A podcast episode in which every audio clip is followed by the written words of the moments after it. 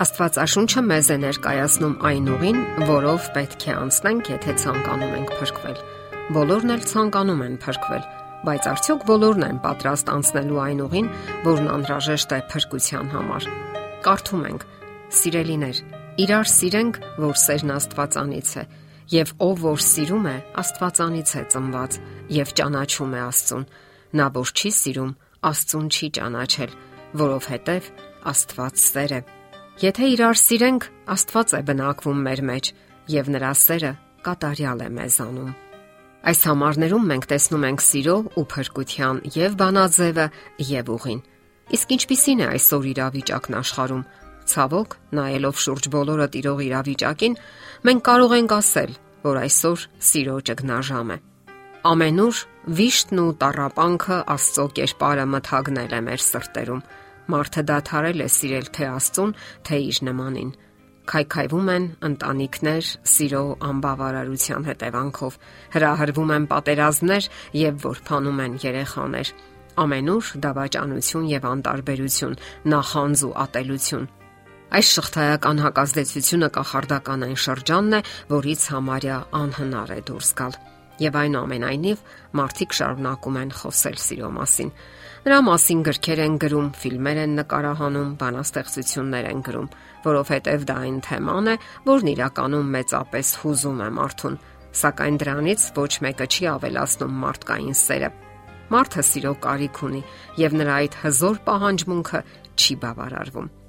Ինչու է այդպես։ Պատճառը Աստծուց հեռանալն է։ Սուրբ Գիրքը հստակ ու որոշակի parzabanum է, որ սիրո բացակայությունը ծնվում է Աստծո հանդեպ հավատի բացակայության պատճառով եւ անհավատության պատճառով։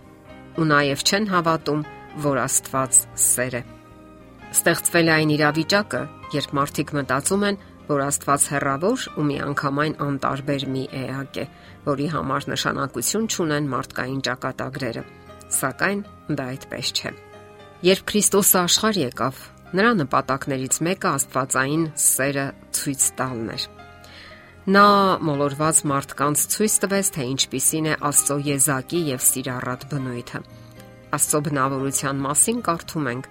որովհետև Աստված այնպես սիրեց աշխարը, որ իր միածին որդին տվեց, որ ամեն նրան հավատացողը չկորչի, այլ հավիտենական կյանք ունենա։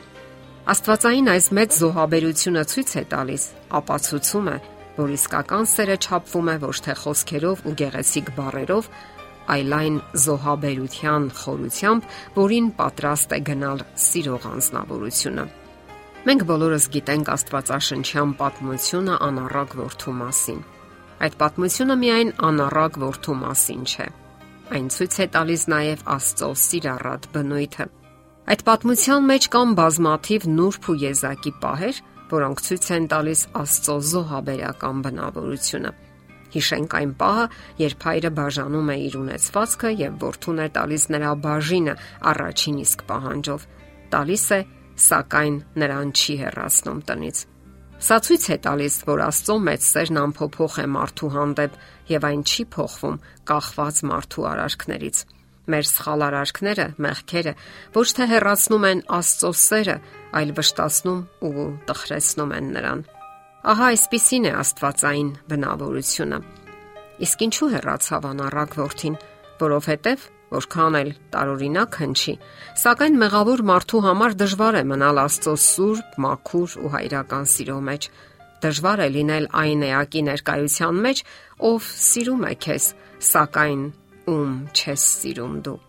Մեղավոր մարդու համար այնքան անհասկանալի է Աստվածային մեծ սերը։ Եվ անառակ որդին լքում է հայրական տունը, որովհետև նա չի հասկանում հայրական մեծ սերը, մյուս կողմից խիղճն է տանջում նրան եւ վերջապես նա հորը համարում է բռնակալ ու տեր։ Նա խզում է հարաբերությունները հոր հետ, որովհետև ցանկանում է անկախություն եւ նյութական բարիքներ։ Իսկ ինչպիսին էր այդ ընտրության հետևանքը։ Նա անկավ կարիքի ու հոգսերի մեջ եւ քաղցեց։ Այս ամենը մեղքի հետևանք էր եւ արդյունքում նա դարձավ ստրուկ։ Հիմա արդեն բացվեցին նրա աչքերը եւ նա հասկացավ իսկական իրավիճակը։ Հոր տանը նույնպես նա իրեն ծառա էր զգում, սակայն ոչ այսպիսի։ Հիմա նա իսկապես ստրկական վիճակում է։ Ահա սա է մեր կյանքի իրական, սակայն դառը պատկերը։ Հեռանալով Աստծո ներկայությունից մենք դառնում ենք մեղքի ստրուկներ։ Ընկնում ենք աշխարհային ցանկությունների ու կրքերի ստրկության մեջ։ Դա դժվար է գիտակցել, սակայն ավելի դժվար է նույնիսկ գիտակցելուց հետո ազատագրվել մեղքի ստրկությունից։ Հենց այդ պատճառով էլ մեր աշխարհի եկավ փրկիչը, որpիսի ազատագրվենք այդ կախվածությունից։ Աստված ցանկանում է ազատագրում ապարգևել իր զավակներին։ Ինչն է հետաձգում մեր վերադարձը Աստծո մոտ։ Վախն ու կասկածները, հուսահատությունն ու հիասթափությունը, երբ մինչև վերջ չենք հասկանում Աստվածային մեծ ճշմարտությունը Հաճախ այնքան աղավաղված է ներկայացվում Աստծո բնավորությունը, որ մարդը այդպես էլ չի ցանկանում վերադառնալ նրա մոտ։ Իսկ ինչպես կարելի է մոտենալ նրան, ում չես ճանաչում եւ չես հասկանում։ Սակայն Աստված մինչև վերջին պահը չի կորցնում հույսը։ Եվ երբ գա այդ պահը, երբ մարդը վերադառնա իր Աստծո մոտ, նա գրկաբաց կընթունի իր մոլորված, սակայն զղջացող զավակին։ Այսօր էլ նա գրկաբաց սпасում է իր զավակներին, սпасում է նրանց դարձին ու ապաշխարությանը, եւ Գողգոթայի խաչից այսպես է դիմում մոլորված մարդկությանը. Ինձ մոտ եկեք, ամեն վաստակածներ ու բեռնավորվածներ, եւ ես հանգիստ կտամ ձեզ։